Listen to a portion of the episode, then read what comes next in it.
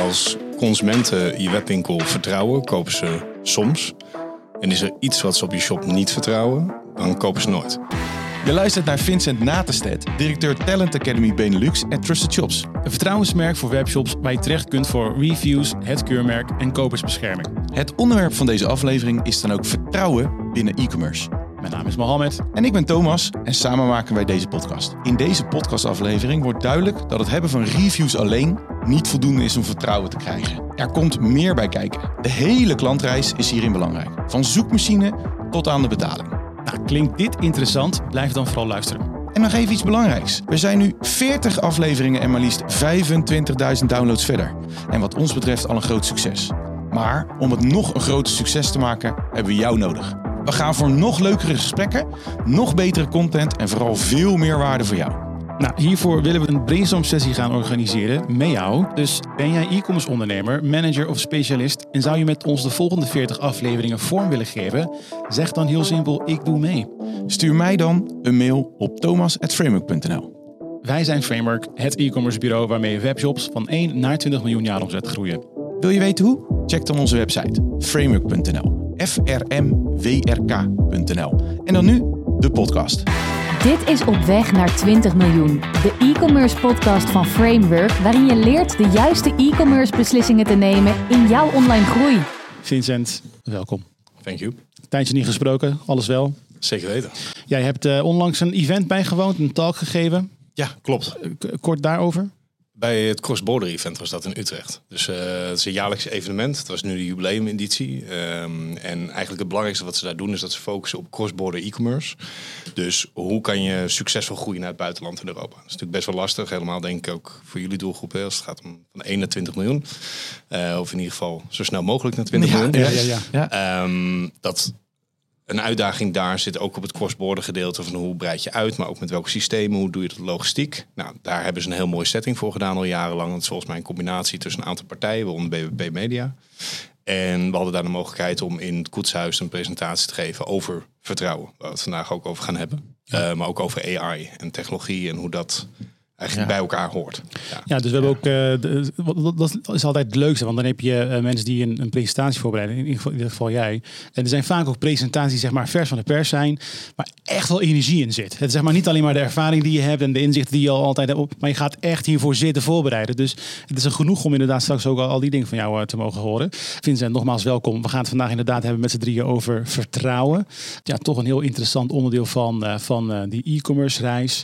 Misschien kort vertrouwen. Waarom is dat zo belangrijk binnen e-commerce, Vincent?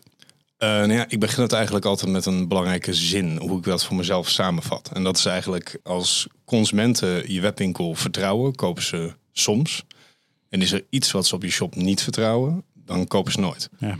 En dat is inderdaad wat vertrouwen zo complex maakt, ook in ons businessmodel. Hoe krijg je het vertrouwen van die consument? Niet alleen met design, producten, maar juist ook op het moment dat je in die customer journey zit, dus in die reis. Wanneer heb je vertrouwen nodig? Waar en hoe, ja, hoe uit je dat op dat moment? Er zijn heel veel verschillende manieren hoe je dat kan doen. Maar essentieel komt erop neer dat als dat vertrouwen niet goed genoeg is ergens in die customer journey, dat iemand uiteindelijk dus niet koopt, niet converteert. Uh, wat natuurlijk enorm veel impact heeft op je business. Helemaal ook uh, op het moment dat je hard aan het groeien bent. Dat is een hunkermuller. Hey, Thomas, want dit is, uh, nou, dit is het concept, dit is waar we het over gaan hebben. Maar als we het hebben over die, die webshop, hè, waar hebben we het dan over? Vertrouwen. Wat, wat, is, wat is het tastbare aan vertrouwen in een webshop? Ik moet eerlijk zeggen, er zijn natuurlijk heel veel verschillende manieren om vertrouwen op te bouwen. Die gaf uh, Vincent net, denk ik al, net al aan. Uh, Eén daarvan is waarvoor hij hier ook zit en het bedrijf waarvoor, waarvoor hij werkzaam is. dat zijn reviews, waarin je een beetje het sociale karakter hebt, waar iemand anders iets heeft besteld. En jou als goed is het vertrouwen geeft als die vertelt dat iets, uh, iets goed is. Uh, dat jij dan ook uh, een stap durft te wagen. Uh, maar daarnaast denk ik ook dat jij als, als organisatie een bepaalde vorm van vertrouwen moet, uh, moet, uh, moet leveren. En dat kan op heel veel verschillende manieren. Dat kan gewoon zeggen, of in ieder geval doen wat je zegt. maar ja, goed, dat, weet je dat van tevoren? Nou, daar komt dan weer zo'n review weer naar voren om te laten zien of dat werkelijk zo is. Ehm, dus er zijn denk ik heel veel verschillende manieren waarin jij uiteindelijk iets tastbaars kan maken op het gebied van vertrouwen. maar ik denk dat de meeste mensen en toch wel zullen koppelen aan uh, nou ja, de wel of niet review hebben, zeg maar. Een, een, een positieve review hebben. Ja, ik denk, ik denk dat je net eigenlijk ook al benoemt eh, hoe het eruit ziet allemaal. Dus als je op een shop komt, zeg maar de UI, de uitstraling. Hey, even een korte onderbreking. Want eh, op eh, donderdag 2 november is Meet Magento Nederland. Dat is in Amsterdam. En het is een eh, mooi programma van 's ochtends 8 uur inloop. Tot eh, ja, tot de late uren als je nog bij het feestje blijft. Eh, maar gedurende de dag gaat er vanaf 9 uur tot ongeveer 1700 eh, zijn er 10 verschillende talks. Ehm, er is een business track en een tech track. Dus je kunt eigenlijk op een willekeurig moment kiezen om voor één van de twee te gaan. Fantastisch als je natuurlijk wat hebt met e-commerce en dat hebben jullie. Hè. Eh, ik zou iedereen nou goed, bij deze van harte uitnodigen om daar te komen. Je kunt tickets kopen. Dat is op nl.meet-magento.com. Ehm, en we gaan daar ook nog eens een aantal podcast-opnames doen. Dus eh, bij deze een, eh, een uitnodiging. Oké, gaan we nu weer door. Eh, om dat reisje af te maken, Vincent. Dus zeg maar de dingen waar mensen zeg maar tactisch op afgaan. Ehm, wat, wat, wat heb je nog meer? Eh, nou ja, wij hebben iets ontwikkeld, dat noemen we de vertrouwensmix. Het idee is eigenlijk is dat vertrouwen heel vaak wordt gerefereerd naar reviews. Eh, vertrouwen peer-to-peer, van oké, iemand heeft een goede ervaring hier, dus ik koop ook. Ehm, dus tien jaar geleden dat had gezegd, was ik het helemaal met je eens geweest. Ja. Nu Ik hoor hier maar. Ik hoor hier maar aankomen. Drumroll. Ja, nee, kijk, ik denk dat als we gaan kijken naar de afgelopen tien jaar, is er enorm veel veranderd in de markt. En het is eigenlijk begonnen bij het feit dat vroeger als jij reviews zag, je zag van, oh, iemand heeft hier een goede ervaring, dan dacht je, oh, hier koop ik. Toch? Dat Ja, was hoe ja. het werkte. Dus als we ehm, vertrouwen eh, als een euro zouden zien, bijvoorbeeld. En we spoelen even tien jaar vooruit, is dat nu nog maar een fractie waard van die originele euro. En wat het mee te maken heeft, is dat eh, zeg maar online aan zich zijn er meer shops bijgekomen, meer platformen. Eh, je kan reviews kopen. Eh, er zijn heel veel dingen gebeurd, maar ook heel belangrijk bijvoorbeeld faillissementen. Hè, dus als je kijkt naar de afgelopen tien jaar zijn er heel veel bedrijven. We kunnen deze hele podcast vullen met namen. Ja. Hè, Dixons, Macintosh, V&D, Score, Chase-in, eh, Athlete Shop. Eh, waarbij er eigenlijk twee dingen heel overeenkomend zijn daar. En vaak allereerst tot de laatste dag van het faillissement hadden ze goede reviews op een site staan met een gerenommeerd keurmerk. Maar in heel veel gevallen zijn jammer genoeg ook gedupeerde consumenten geweest. Ja. Neem een weekendje en ga even door Radar eh, hun archief kijken. Ja. Daar zijn best wel wat impacts geweest. En wat daar eigenlijk gebeurt, is op het moment dat je mm, eh, zoveel problemen ervaart aan de achterkant, dus dingen die vertrouwen moeten geven, op het moment dat het eigenlijk echt nodig is, is het er niet. En Ja. komt het niet. Door de jaren heen verandert dat wat aan de manier hoe jij kijkt naar de wereld. En ook de manier hoe een consument zich gedraagt online. En dat is wat je eigenlijk ziet wat er enorm veranderd is. Is dat door alles wat daar is gebeurd, mensen niet alleen maar meer kijken naar, naar, naar reviews. Als je puur hebt over shop reviews. Ehm, mensen kijken naar een hele rits aan zaken. Denken aan design, maar denk ook aan een, eh, aan, een- aan een stukje logistiek, betaalmethodes, autoriteit, veiligheid, zekerheid. Ehm, dat gaat veel verder als waar we drie jaar geleden over hadden in de markt. En dat was service. Ja, nee, de servicegraad moet hoog zijn om die klanten te binden. Want klanten binden zich niet meer aan je merk. Ehm, dat is heel anders. En als je het wil samenvatten, ik vraag altijd aan iedereen die ik tegenkom: wanneer is de laatste keer dat jij een webwinkel hebt gezien met een 3,5 qua score of lager? Ja, ja, ik, ik- ja dat eh, poeh, ik, eh, ik denk dat bij Nee, maar dan, dan halen ze die er ook Ja. af natuurlijk. Als je die maar webshop dat ook. eigenaar- Dan staat dat Ja. open. Dus wat je eigenlijk ziet is dat ehm, als je dat samenvat, waar het dan eigenlijk op neerkomt, is dat eh, op het moment dat je reviews hebt, gaat men ervan uit dat je het hebt. Dus is de waarde minimaal van wat het vroeger was. Heb je het niet, wordt het gemist. En eh, wat ik, wat ik interessant vind om hierin in, in, in, zeg maar, ook een beetje te duiden, zeg maar. Ehm, want op het moment dat jij kijkt naar een stukje design, kijkt naar ehm, zaken die je eigenlijk als webwinkelier, zeg maar, eigenlijk allemaal zelf kan organiseren. Want je kan een fantastisch mooi design laten neerzetten. Ja. Wij als e-commerce bureau doen niet anders, zeg ik altijd. Eh, maar wil niet per se zeggen dat ik daarmee zeg maar, het, het, het vertrouwen van mijn consument ook werkelijk kan waarmaken. Want uiteindelijk is het toch nog het feit, ik bestel iets en ik betaal iets en ik moet er iets voor krijgen. Dat zegt eigenlijk weinig over het design.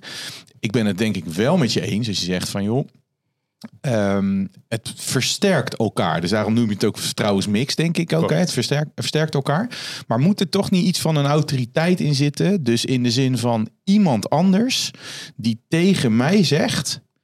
Of dat nou mijn, eh, mijn buurman is die zegt: Ik heb die eh, review geschreven en ik geloof erin. Dus dat sociale stuk. Of een organisatie zoals jullie, die dus eigenlijk zegt: Deze club is te vertrouwen.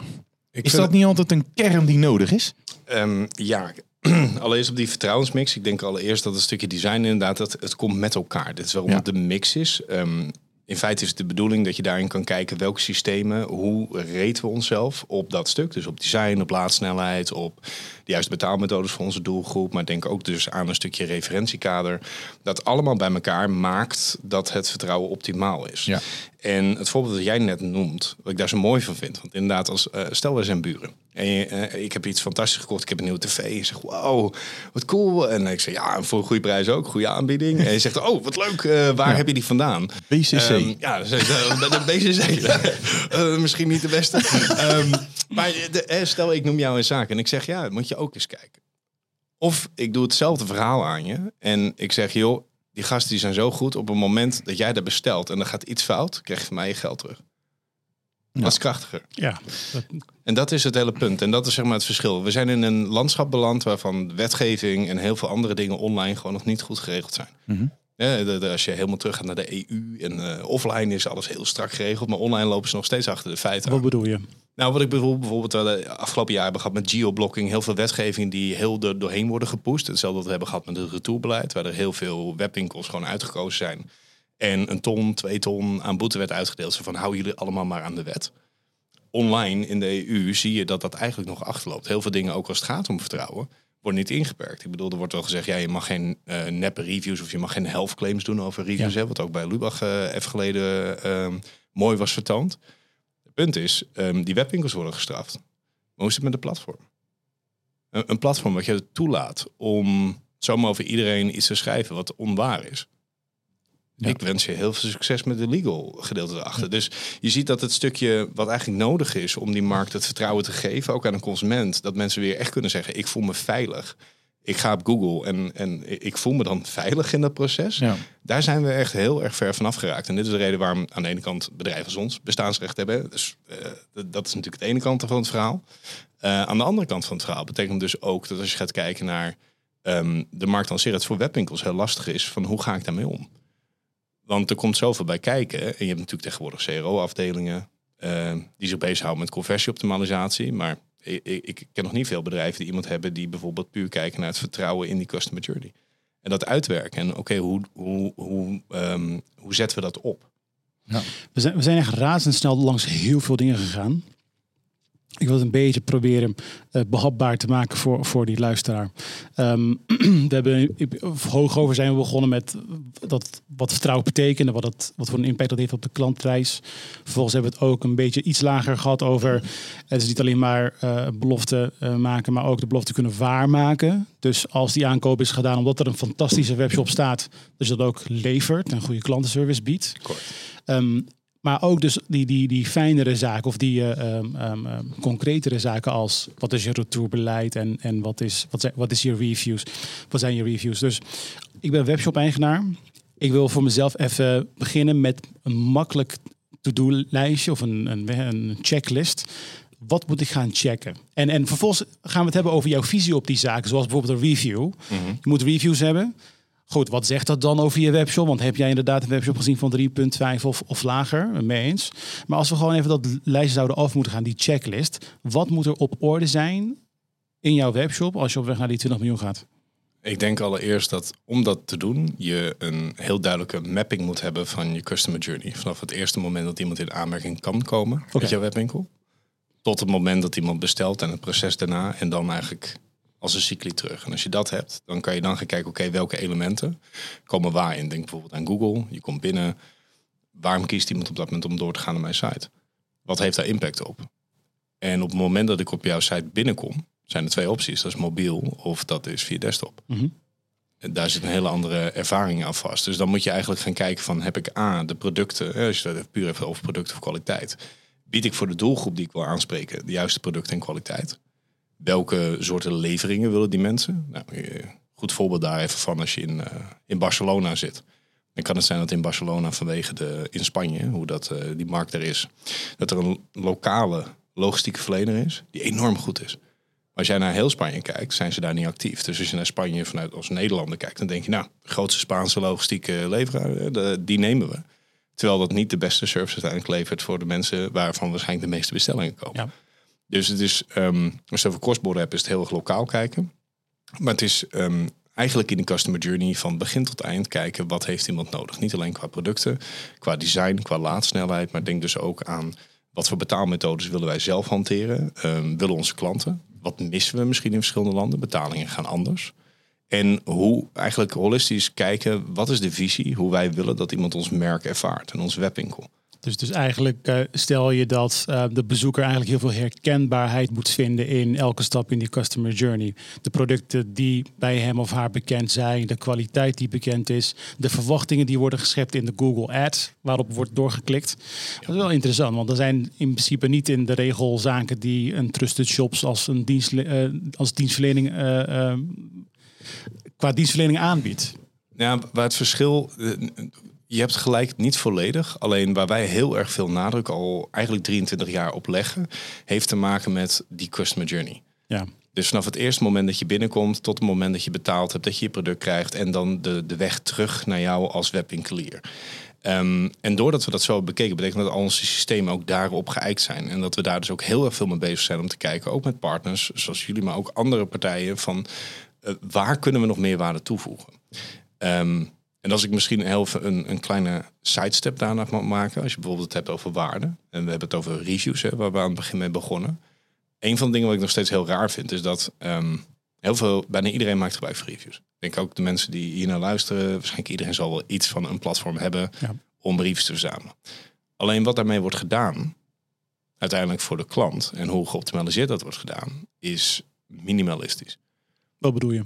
Nou, wat ik daarmee bedoel is, bijvoorbeeld, hè, ik heb geen auto, ik fiets heel veel. Ik loop heel veel, ik ben hier ook op de goede manier gekomen. Dat vind ik ook leuk. Het is gezond, houdt mij ook fit, want ik zit genoeg elke dag zoals hier. Ja, ja, ja. dat is, het is denk ik, uh, het is my choice of life. Dat is prima. Maar ik ben geen uh, actieve sporter meer in de vorm van dat ik wielren continu. Maar heel veel van mijn vrienden hebben fiets, hebben racefietsen.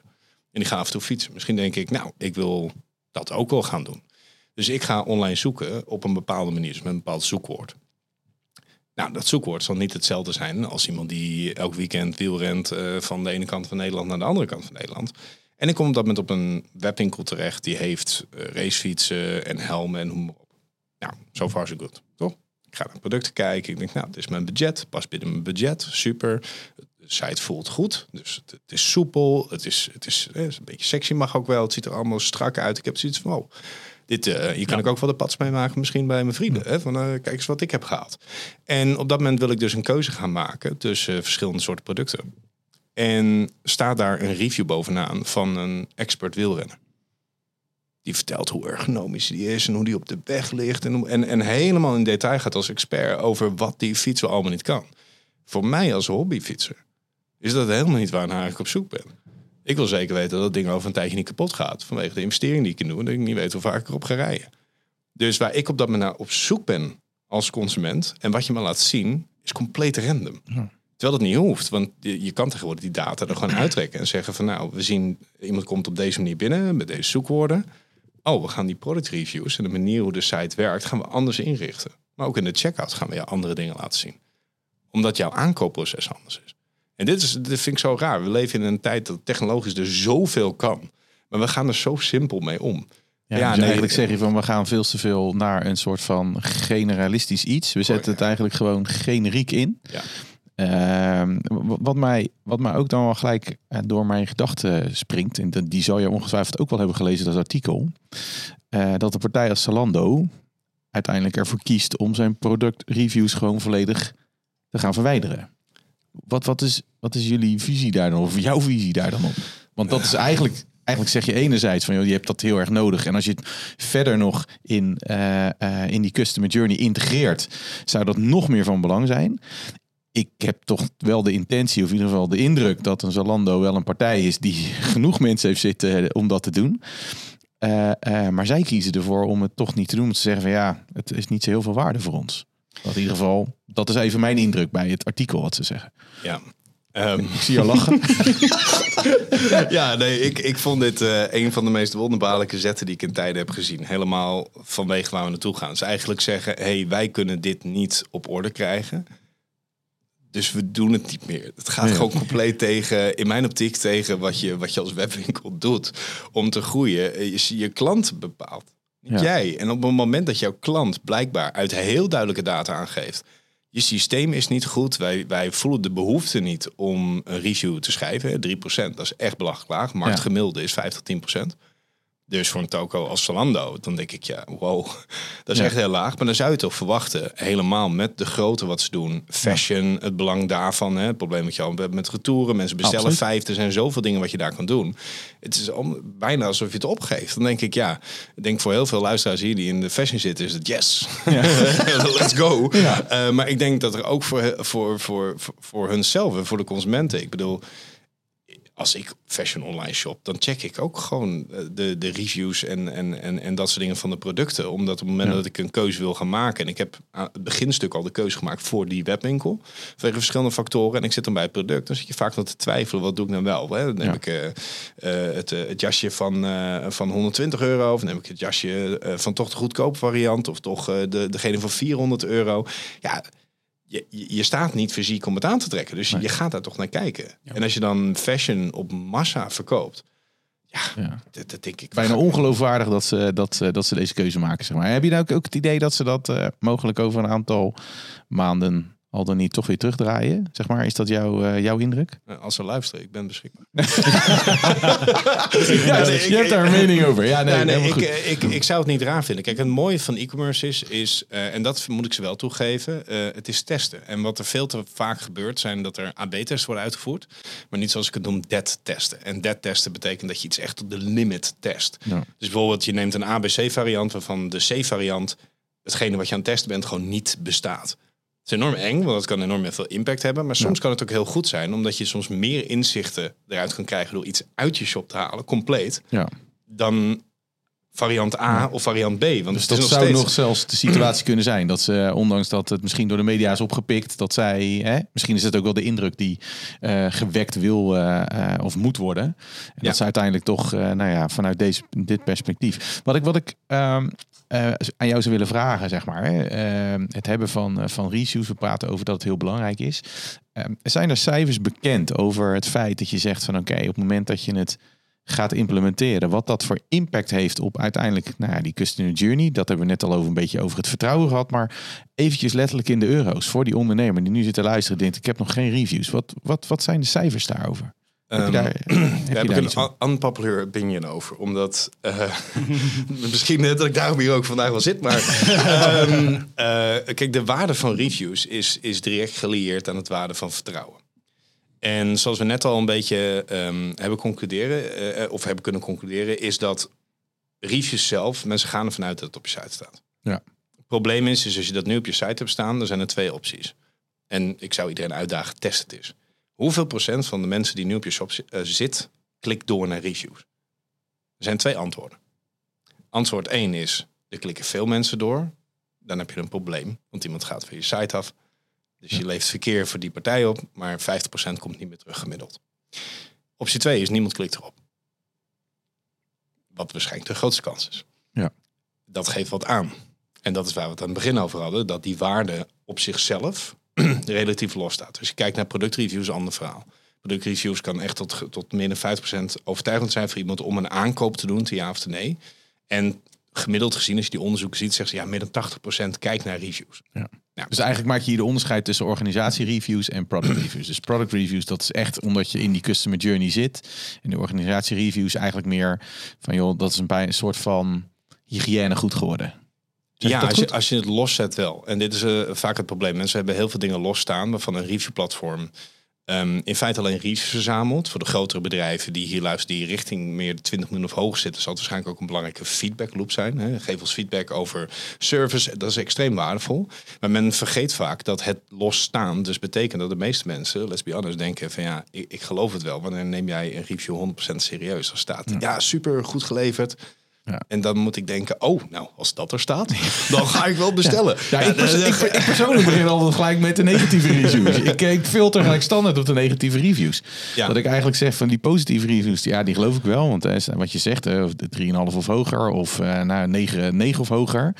Eh, maar het, eigenlijk wat ik het meest interessante vind als ik naar een partij kijk. Ik kijk wel vaak naar aantallen. Dat ik zeg van oké, Mhm. zit er volume in die reviews? Eh, dat is misschien ook een beetje beroepsdeformatie. Omdat ik dan ook wel echt kan zeggen. Als jij zegt nou 5 tot 10 procent eh, vult een review in. Dan kan je ook wel zien dat er echt volume in zit. Ja. Dus dat geeft mij dan een vorm van vertrouwen. Maar tegelijkertijd kijk ik eigenlijk naar de negatieve reviews. Om te zien hoe daarmee om wordt gegaan. En wat ze daarin bespreken. Wat zijn dan daar de, nou ja, wat voor mij dan de issues die ze daar dan hebben. En of dat de issues zijn die ik eigenlijk wil voorkomen dat ze dat, eh, dat, ze dat hebben. Zien jullie dat ook? Is maar, dat... maar even tussendoor, want je zegt twee dingen. Of tenminste, ik wil even goed begrijpen wat je zegt. Mm. Hoe ze ermee omgaan of wat er staat in de review. Nou, nou het, het- wat er staat, dat geeft eigenlijk aan van oké, waar gaat het dus mis in de dienstverlening? En wat ik belangrijk vind, kijk, dat is dan hetgeen dat ik als, als eh, eh, nou ja, in de e-commerce landschap actief zijnde kijk van oké, wat doet de organisatie daar nou mee? Want iemand kan wel negatief zijn en zal zeggen van joh, het product was niet op tijd.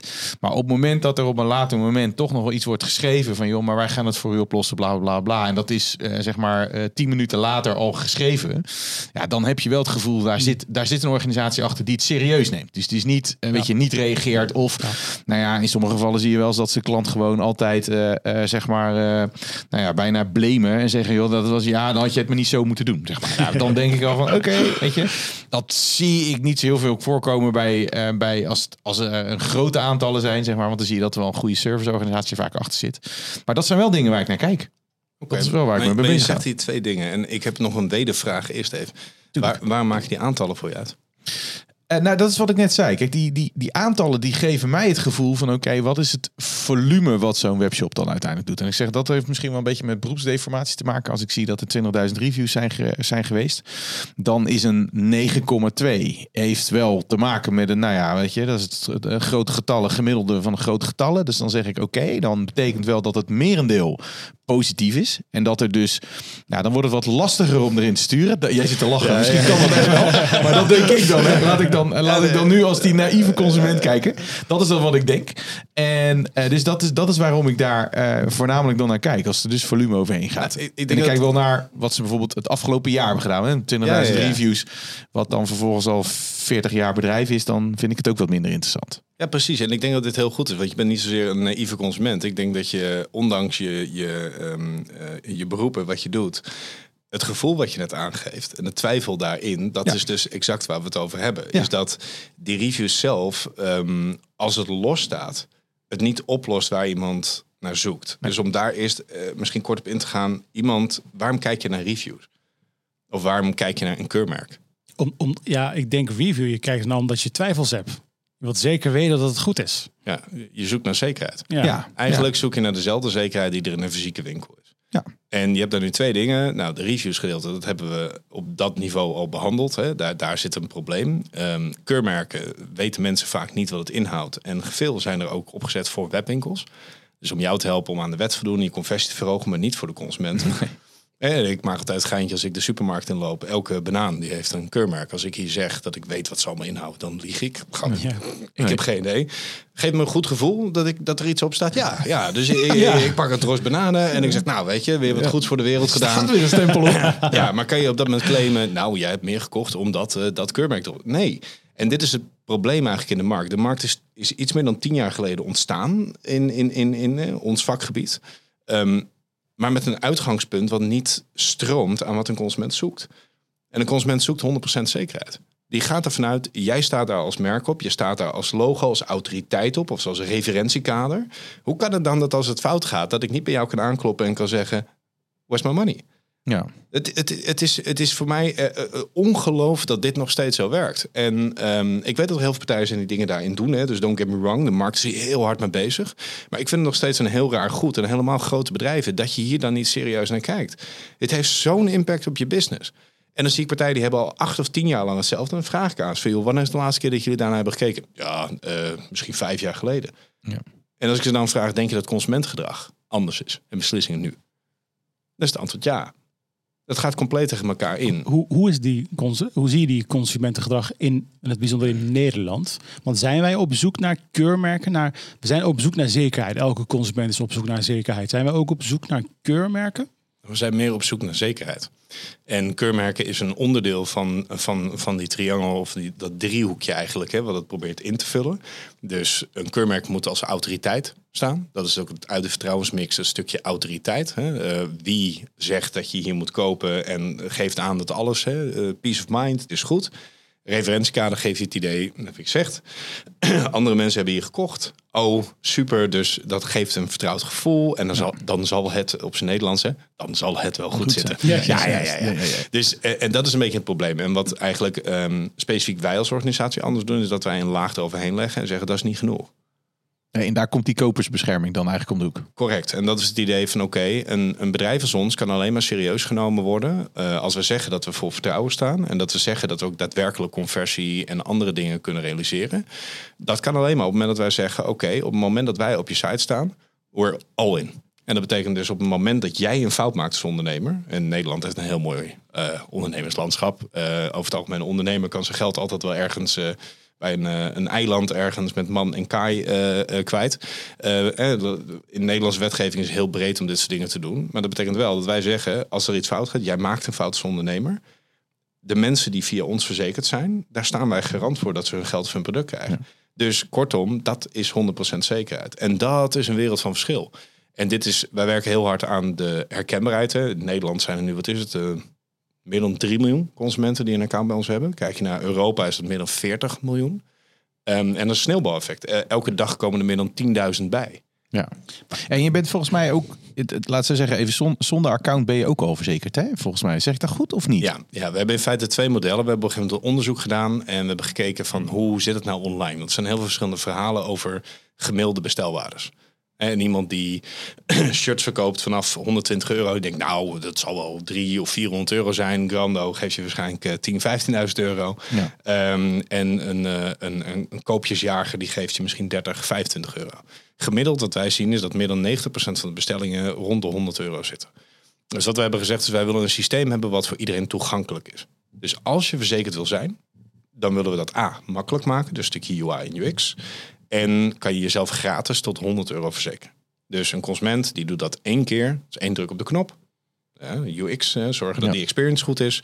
Daarna informeren we iemand over wat de voordelen zijn. En informeren we dat iemand bij de rest van zijn leven automatisch gratis verzekerd is bij elke tussenshop webwinkel Ja. tot 100 euro. Wil je meer, dan kan je tot 20.000 gaan. Maar daar heb je twee opties. Dat is eenmalig. voor bijvoorbeeld 3, 4 euro. Dus als je zegt ik wil zo'n Grando keuken toch online in elkaar zetten en kopen. Dan wil je waarschijnlijk wel 3 euro kwijt om dat te verzekeren. Ehm, of je moet zeggen we willen dat jaarlijks en dan betaal je 99 per jaar. En dan ben je het hele jaar bij elke bestelling, of zou je elke dag voor 20.000 euro bestellen, verze- eh, verzekeren wij je tot 20.000 euro. Dus die schulp, zeg maar, die doet dat. Maar misschien om nog heel even terug te pakken naar de negatieve reviews waar je het over had. Als wij kijken naar dat stukje, wat we gemiddeld zien, wat jij ook al aangeeft, hè, een consument die daadwerkelijk reviews leest, leest er gemiddeld 10. En dat zijn er 7 positief, 6, 7. En de rest is negatief. En die positieve, dat is net wat jij zegt, hè? Van ja, dat zal wel, hè, dat zal wel goed zitten. Ik geloof het wel, helemaal goed. Ja, oké, top. Eh, waar je uiteindelijk naartoe, en dat is soms raar, mensen zijn heel bang voor. Voor negatieve reviews omdat zij denken, ja, maar dan eh, over mijn bedrijf en dan ga, alleen maar gezeur en gedoe. De grap is, is die drie negatieve reviews op die tien leveren jou zoveel meer op als je er goed mee omgaat dan die zeven positieve. Want dan weer gezegd, je kijkt niet alleen naar wat iemand zegt, maar je weet er zitten mensen achter een webwinkel. Dus waar jij naar kijkt is, A, hoe snel reageer je? En het meest belangrijke, B, neem je me serieus. Ja. Dus stel dat er wat fout gaat, dat geeft mij dan peace of mind. Maar wat, wat, wat, ik, wat wij ook wel terugkrijgen van, eh, van, eh, van onze klanten, die op een bepaald moment ook zeggen van, joh, kijk, weet je, reviews. Laat zoals jij zegt van, joh, eh, eh, ze, ze, ze geven sommige ondernemers ook echt wel een slechte nachtrust. En daar bedoel ik mee van op het moment dat er een negatieve review wordt, wordt geschreven, dat wordt soms ook echt wel als een pressiemiddel gebruikt. Dus dat de consument eh, eh, de klantenservice belt en zegt van joh, dit moet jij voor mij oplossen. En als je het niet voor mij oplost, dan krijg je van mij een negatieve review. En sommigen die zeggen ook wel eens van, nou weet je, ik word daar echt helemaal simpel van. Ik, uh, ik zou het liefst zou ik die reviews gewoon echt laten, want uh, weet je, het gaat niet meer om, nou ja, laat ze zeggen, uh, mijn andere klanten informeren over hoe goed ik het doe. Nee, het wordt nu gewoon gebruikt als bijna een vorm van, hoe zou ik het ook zou zeggen, ik kan even niet op het juiste woord komen, maar dat zie je dus zeg maar onder druk zetten. Ja. En, en hoe kijken jullie daar tegenaan? Verschrikkelijk. Ja. het feit dat je over zoiets belangrijks voor je business wakker moet liggen, is sowieso al niet prettig. En hetzelfde zien we nu op dit moment bij heel veel bedrijven die die uh, producten verkopen, die voor je darmflora of je lichaam, hè, dat er geen health claim in mag komen. Ja, oh my god, hoe breed is dat? Ja. Als ik zeg, hey, ik voel me beter, of ik voel me gewoon in mijn lichaam beter, dan kan je er al zeggen, dat is een health claim. Ja. En ik heb reviews zitten lezen en dan denk ik, ja, maar er staat helemaal niet dat het door die, door die spullen komt of noem maar op. Maar het is zo breed. Hoe ga je daar in godsnaam mee om? En ik denk dat voor ons altijd heel belangrijk is. En dat is het voordeel dat we natuurlijk zo groot zijn. We hebben meer dan 45.000 webwinkels. Dus voor ons, alles wat wij doen, moet zowel voor de webwinkel die net uit de KVK komt. Als uh, de webwinkel die 5 miljard in omzet doet, moet werkbaar zijn. Dus wij hebben heel veel regels, zoals bijvoorbeeld voor consumenten, waar het aan moet voldoen. Maar ook allerlei systemen aan de achterkant om te zorgen dat dit soort dingen voorkomen worden. Um, dat zelfs als het moment dat we dit soort gedrag vaker zien, dat we een consument kunnen weren. Ja. Um, Kijk, dat is het voordeel. We zijn, we zijn Jullie weren dan uiteindelijk de consument. Het is in, Ja, ieder geval, nou, je in de worst- informeert dan zeg maar Ja, ook eh, de in- webwinkel daarover. In worst case scenario, eh, op het moment dat het gebeurt, zeg maar, dat we zien dat iemand daar misbruik van maakt, dan kan sowieso op basis van onze reglementen, kunnen wij op dat moment kijken van oké, ehm, A, hoe waardig is die review? Klopt die review? Hè? We willen daar altijd als Zweden in staan, want we zijn neutraal. We werken voor webwinkels en consumenten. Dus we moeten ervan uitgaan dat een consument in essentie het systeem nooit zal misbruiken voor. Ja. Maar het, het, het is geen ideale wereld. Nee. Dus wij middelen ook daartussen om te kijken hoe we daaruit kunnen komen. En ik moet je zeggen dat, zover ik weet, in bijna 100% van de gevallen dat altijd lukt. Om daar samen naar te kijken. Omdat we neutraal, we staan garant. Dus we kunnen op die manier ook altijd een stukje zekerheid geven. En we gaan niet tussen de consument en zijn business staan als het niet nodig is. Dus wij proberen ons daar tussenin te begeven om te kijken, oké, wat is er? Nou, stel dat iemand echt misbruik maakt op grote schaal. Ja, dan moeten wij daarop acteren. Ja. Want het is natuurlijk als wij op een gegeven moment zien van er is één persoon die ehm, eh, overduidelijk, hè, volgens de wet elke keer met bewijzen, gewoon bedreigt via dat soort eh, systemen. Dan is dat natuurlijk enorm kwalijk. En dat Ja. is niet waar het systeem voor bedoeld is. Ik bedoel, Ja, misschien ook om, toe te voegen, want ik, ik denk dat dit een reëel, reële situatie is en, en hier moet je op voorbereid zijn. Maar veel van die, van die, van die frustratieberichten, reviews van klanten, zijn ook vrij, vrij makkelijk op te lossen. Op het moment dat er een, nou goed, voor de webshop is het, weet je wel, 1% of niet eens veel minder, weet je wel, één van de duizenden orders per keer dat het zo misgaat. Maar voor de consument is het de order van het jaar of van misschien drie jaar tijd waarin je zo'n bankstel koopt en dan, dan gaat er iets mis. Maar als je dan gewoon snel eh, met je klantservice gewoon kan eh, eh, ingrijpen, telefoon oppakt, snel die, deze persoon probeert te helpen, uitlegt waardoor het komt. Ik denk dat daar ook wel een, een kans ligt voor, voor webshops. Want op het moment dat je het laat liggen en over een week een antwoord of geen antwoord geeft, oh, Ja, maar wat je, wat je denk ik wel ziet, is dat eh, even losstaand van het feit dat je het kan oplossen. eh, als ik nou gewoon mijn eigen eh, klantreis net beschrijf, dat ik zeg van het eerste wat ik doe is naar die negatieve reviews kijken, dan is dat ook de pijnpunt vaak. Hè, want op het moment dat eh, eh, ik duizenden positieve heb, maar het zijn juist die negatieve. En als die negatieve onterecht zijn voor jouw gevoel, ja. dan is dat heel vervelend, omdat een klant die dus eigenlijk kijkt, en ik ga er nu even, ik doe nu even de aanname dat iedereen zo, zo is als ik, maar dat zal niet zo zijn. Maar nou, laten we even vanuit gaan dat er veel zo zijn. Ja, dan is dat wel buikpijn voor je. Want dan betekent dat jij een hele goede lopende winkel hebt. En daar zijn duizenden mensen die zijn positief. En er zijn er een aantal die dus vervelend genoeg iets over jouw dienstverlening zeggen. En als dat terecht is. En geen enkel punt natuurlijk, want dat is belangrijk. Maar als Ja, dat onterecht is, ja, beoordeelt jouw klant, de nieuwe klant, jou daar wel op. Terwijl je daar eigenlijk niet zo heel veel invloed meer op hebt. Want je kan ook, ja, laat zo zeggen, je kan niet meer, ja, je kan, ondanks dat je het goed hebt opgelost, ja, die review staat er. Hè, want, want het is niet zo dat je kan zeggen, nou maak van die, van die 1 nu toch maar een 5. Ja, maar de, de feedback pak je hier dus ook niet uit op op dat moment als webwinkel. Want de feedback dat iemand naar die reviews gaat kijken, betekent dat je daarvoor iets hebt gemist met vertrouwen. Ja. Want blijkbaar vertrouw ik wat ik zie niet goed genoeg dat ik in die reviews wil gaan kijken. Dus je zegt, hé, ik heb een 9,2. Als ik dat vertrouw, waarom zou ik doorklikken? Waarom zou ik gaan kijken in reviews? Om daarna te, de- dan zit er dus daar al iets wat je gesignaliseerd hebt, waarvan je zegt, ah, maar dat is het probleem, is een negatieve review. Tuurlijk, het kan zijn dat een, een consument een negatieve ervaring heeft. En dat is heel vervelend. Gewoon zowel voor de consument als voor jou als webwinkel. Want dat is niet wat je wilt over het algemeen. Je wilt goede ervaringen. Maar het is ook een stukje feedback loop naar jezelf. Hey, iemand gaat van mijn site af Ja. om reviews te bekijken. Dat is niet goed. Want dat betekent namelijk dat wat jij zegt... hey, kijk, we hebben 20.000 reviews met 9,2. Dat iemand eigenlijk denkt... Nou, Toch nog even toch toch even, even, even, even kijken. Vind je dat Ja. het ook opgaan voor productreviews? Nou, voor productreviews is het natuurlijk over het algemeen vaak anders in een keuze. Dus hè, je gaat in eh, productreviews ga jij naar een product toe en daar staat het bij.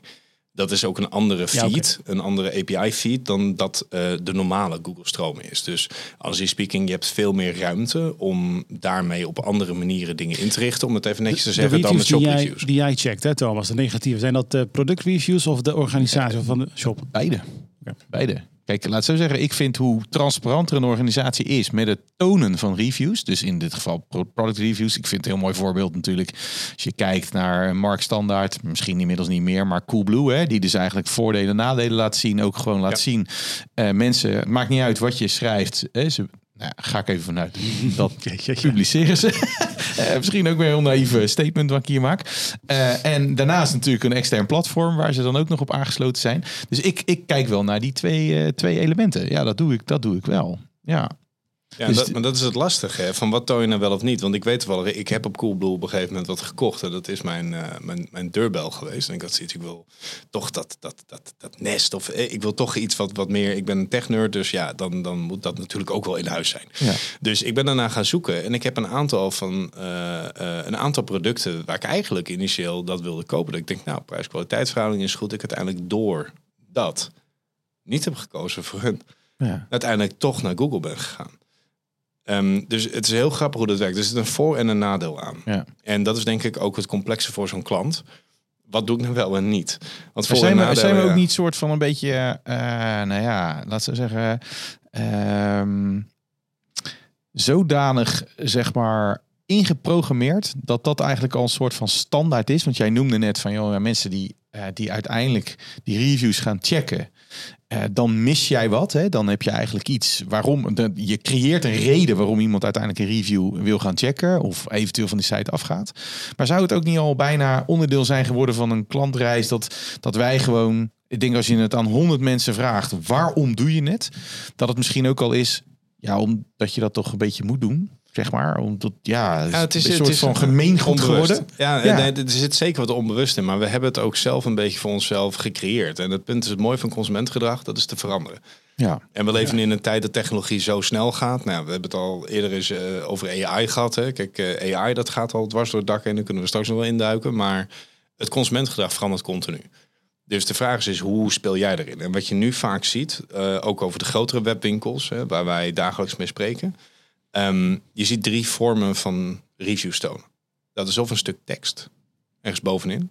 We hebben 9,2 uit zoveel. En dan is het een soort hyperlink als je daarop klikt. En dan liever niet, want nergens geeft het het idee dat je doorklikt. Omdat ze naar achterhoofd donders goed weten. Dat willen we niet, want dan gaan mensen weg. Ja. Dus daar, daar wederom, je hebt een probleem gesignaliseerd. En je moffelt het weg in plaats dat je het serieus neemt. Maar Oké, keuze. Ehm, of je hebt een widget staan ergens met dan wat meer uitleg. Dat moet er dan wat sexier uitzien en wat meer uitstraling geven. Maar wederom probeer je alles om te doen. Klik alsjeblieft niet door. Ja. Of je hebt een soort ehm, rotating widget, wat nog erger is.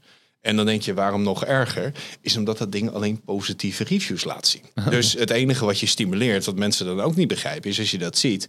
Dat denk je niet. We leven niet tien jaar terug dat je denkt, oh, nou dan zal het wel goed zitten. Hier heb je duizend euro. Nee, Ja. dat doe je niet. Dus je kijkt op dat moment, je denkt, oké, dat snap ik. Maar hoe zit het met de andere reviews? En ga je dus meer doorklikken. Dus het probleem zit. Dus we zijn onderdeel van het probleem. Wat we proberen op te lossen zonder het probleem eigenlijk echt op te lossen. En, en als, we, als we dat nou eens proberen te duiden, want dat vind ik dan wel interessant. Wat, wat zijn dan de. Even, even, dan moeten we niet terugvallen op vertrouwen. Maar gewoon het feit van wat zou je concreet moeten veranderen. Waardoor uiteindelijk, nou ja, laat zo zeggen, die consument niet meer op dat knopje drukt om te gaan kijken van joh, nou die 9,2 is dat wel. Ja, is dat wel oké. Dus wat zou je, wat, wat zijn twee of drie tips waarvan jij zegt, nou daar moet je echt even naar kijken, waardoor eh, wellicht eh, de consument gelijk zegt van nou, oké, als dat gewoon goed geregeld, dat goed geregeld, dat goed geregeld is, ga ik niet eens meer kijken. Autoriteit, zekerheid en veiligheid. Dat, Dat- ging er heel snel uit. Dat, Autoriteit. ik dacht, ik kom hier met een hele complexe vraag. Maar dat is hij was ons te slim af. Nee, maar ik, het, het- het- het is, kijk, autoriteit, zekerheid en veiligheid. En waar dat mee te maken heeft, is dat je afgaat van dat stukje alleen maar eh, service en geloof ons en kijk ons en noem maar op. Naar het punt is, wat kan ik jou garanderen? En echt garanderen. En wat komt daar omheen? En dan wordt het dus wel iets complexer. Hè? Wat komt daar omheen? En dat is ook eh, gelijk benoemen. Dus dat is gewoon, gewoon op zo'n product eh, gewoon benoemen. Wat garandeer ik jou? Ja, want dat is over het algemeen waar het fout gaat. Mensen zeggen, ja, we hebben levering, eh, next day eh, delivery. Oké, alsof je de enige daarin bent. En ik heb mensen lijn gehad die zeggen, ja, maar we hebben een fysieke winkel of we hebben de 20, dus mensen vertrouwen ons wel. Ja, ik vind dat zo simplistisch. Hetzelfde is dat een, een Hunkemuller dat bij wijze van spreken zou zeggen. Hunkemuller, iedereen kent het. Maar ik durf hier de straat op te lopen zo meteen met jullie, inclusief camera. Dan gaan we een aantal mensen interviewen wie bij Hunkemuller koopt en wie niet. En waar ze dan wel shoppen, dan ga je horen dat niet iedereen bij Hunkemuller shopt nog steeds. Dus zij hebben nog steeds, ondanks hun bekendheid en ondanks de grootte van hun bedrijf, een gap zitten in mensen die zo'n eerste stap moeten gaan maken. Nou, dat, dat, dat, dat heeft niet alleen te maken met product, eh, waar je naar op zoek bent, maar ook uiteindelijk met een stukje eh, zekerheid, veiligheid en autoriteit. Ja, kijk, ik wil hier niet de hele tijd alleen maar praten over ons, want dat is ook niet waarvoor ik hier ben. Wat ik wel even de stap is, dat is ook waarom wij doen wat wij doen. Ja. Ja, wij hebben die trust badge neergezet die continu op je site zichtbaar is. Niet prominent, maar wel duidelijk aanwezig. Overal in de customer journey. Waarom? De eerste die mij hier kan vertellen waar een consument op welk punt vertrouwen nodig hebt, dan wil ik direct eh, een nieuw bedrijf met je beginnen. Want dat, eh, dat is een paar eh, miljard waard binnen een paar jaar. Ja. Dat is gewoon, dat, is, dat weten jullie, dat is gewoon bijna niet de pinpoint voor elke consument, zelfs met de data die we hebben. Dus dat is duidelijk. En als iemand erop klikt, wat wij dan doen, is dat we eigenlijk direct de drie dingen laten zien waar iemand naar zoekt. Dus het eerste zin die je ziet is hier kan je veilig bestellen. Daaronder zeggen we direct, je bent 100% verzekerd tegen elke risico wat je loopt, onafhankelijk van je betaalmethode. Dus bestel, betaal hoe je wilt. We're there.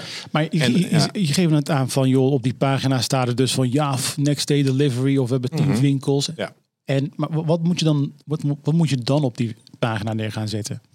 Nou, het zou bijvoorbeeld heel mooi zijn als je daar iets kan aangeven over wat als het fout gaat. En, Maar, maar dit- dat, dit is- en dit is- dat dit is- begrijp ja. ik. Alleen stel bijvoorbeeld, je hebt, je, hebt, je hebt duizend bezoekers op die pagina. Willen al die duizend bezoekers weten wat er gaat gebeuren als het fout gaat? Kijk, en nu komen we ergens. Oké. Inderdaad, inderdaad. Want ik denk, Ja. want dat dat wil, dat wil misschien niet. Weet je wel, Thomas wil dat dan weten. Omdat hij binnen e-commerce Ja, ik ben de gemiddelde consument. Dus dan, eh, nee. Laat me het zien. Ja. Maar schrik dat ook juist niet af. Van, je wilt juist niet, je wilt alleen maar goede dingen benoemen. En, En dit, is- ja, dit is dus het hele punt. Je moet ehm, beginnen bij. En want dit, dit is niet zomaar switchen. Het is niet, en dat claim ik al hier ook niet. Van oké, switch maar van partij, zet erop. Zo simpel werkt het niet. Dit- Ja. Het gaat veel dieper dan dat. Dus wat je eigenlijk moet gaan beginnen, is je moet gaan zorgen dat je data over je Dat je gaat kijken welke datapunten hebben wij van onze consumenten. Welke datapunten zouden we willen hebben. En dan waarschijnlijk begin met punt 1. Oké, we missen nog wat. Dan moet je gaan kijken wat hebben we daarvoor nodig. Maar vervolgens moet je daarna een systeem creëren waar je die data kwijt kan. Dus waar je die data kan verzamelen voor jezelf, daarna kan koppelen en daarna ermee kan gaan werken. Waarom? Je gaat op een gegeven moment een, een, een overlap zien dat een bepaalde consument die met een bepaald zoekwoord iets zoekt of via socials binnenkomt, of misschien via TikTok of via Instagram of de ander via YouTube of via andere kanalen, een hele andere behoefte heeft ja. dan iemand die op leeftijd is. Bijvoorbeeld, ik weet dat ik een hele andere behoefte heb als iemand die 19 of 20 is. Die is En misschien je- veel naïver. En als je heel goed inspeelt op de behoeftes, op de verwachtingen in die klantreis, dan is er eigenlijk waarschijnlijk geen behoefte om weg te klikken naar een review site. Ja, en dat is de leuke tijd. Ja, en dat, Dat is de de leu- hypothese. dat is de hypothese, maar ook de leuke tijd waar we nu naartoe gaan. De Ja. eerste stap hebben we genomen en dat is headless e-commerce. Maar ik, ik zie het gebeuren dat we straks, eh, jouw webwinkelervaring wordt uniek. Dus die webwinkel gaat er straks voor jou heel Ja. anders uitzien dan voor mij, omdat ik heel andere behoeftes heb. En dan gaan we echt persoonlijk. En dat betekent dat op basis van mijn data of mijn metadata, die beschikbaar is online, maar ook die jij zelf van mij hebt verzameld, jij mij een unieke koopervaring gaat geven. En dat klinkt nu heel ver weg, maar dat zeiden we ook over AI, dat je dat dagelijks, dagelijks ging gebruiken. Tenzij eh, Chantal Schinkels eh, haar eh, verhaal doorkrijgt, zeg maar. Die juist zegt van, joh, weet je, die data die je daar hebt, dat, ja, die moet je wel lekker bij jezelf houden. Maar wij hebben veel te veel data.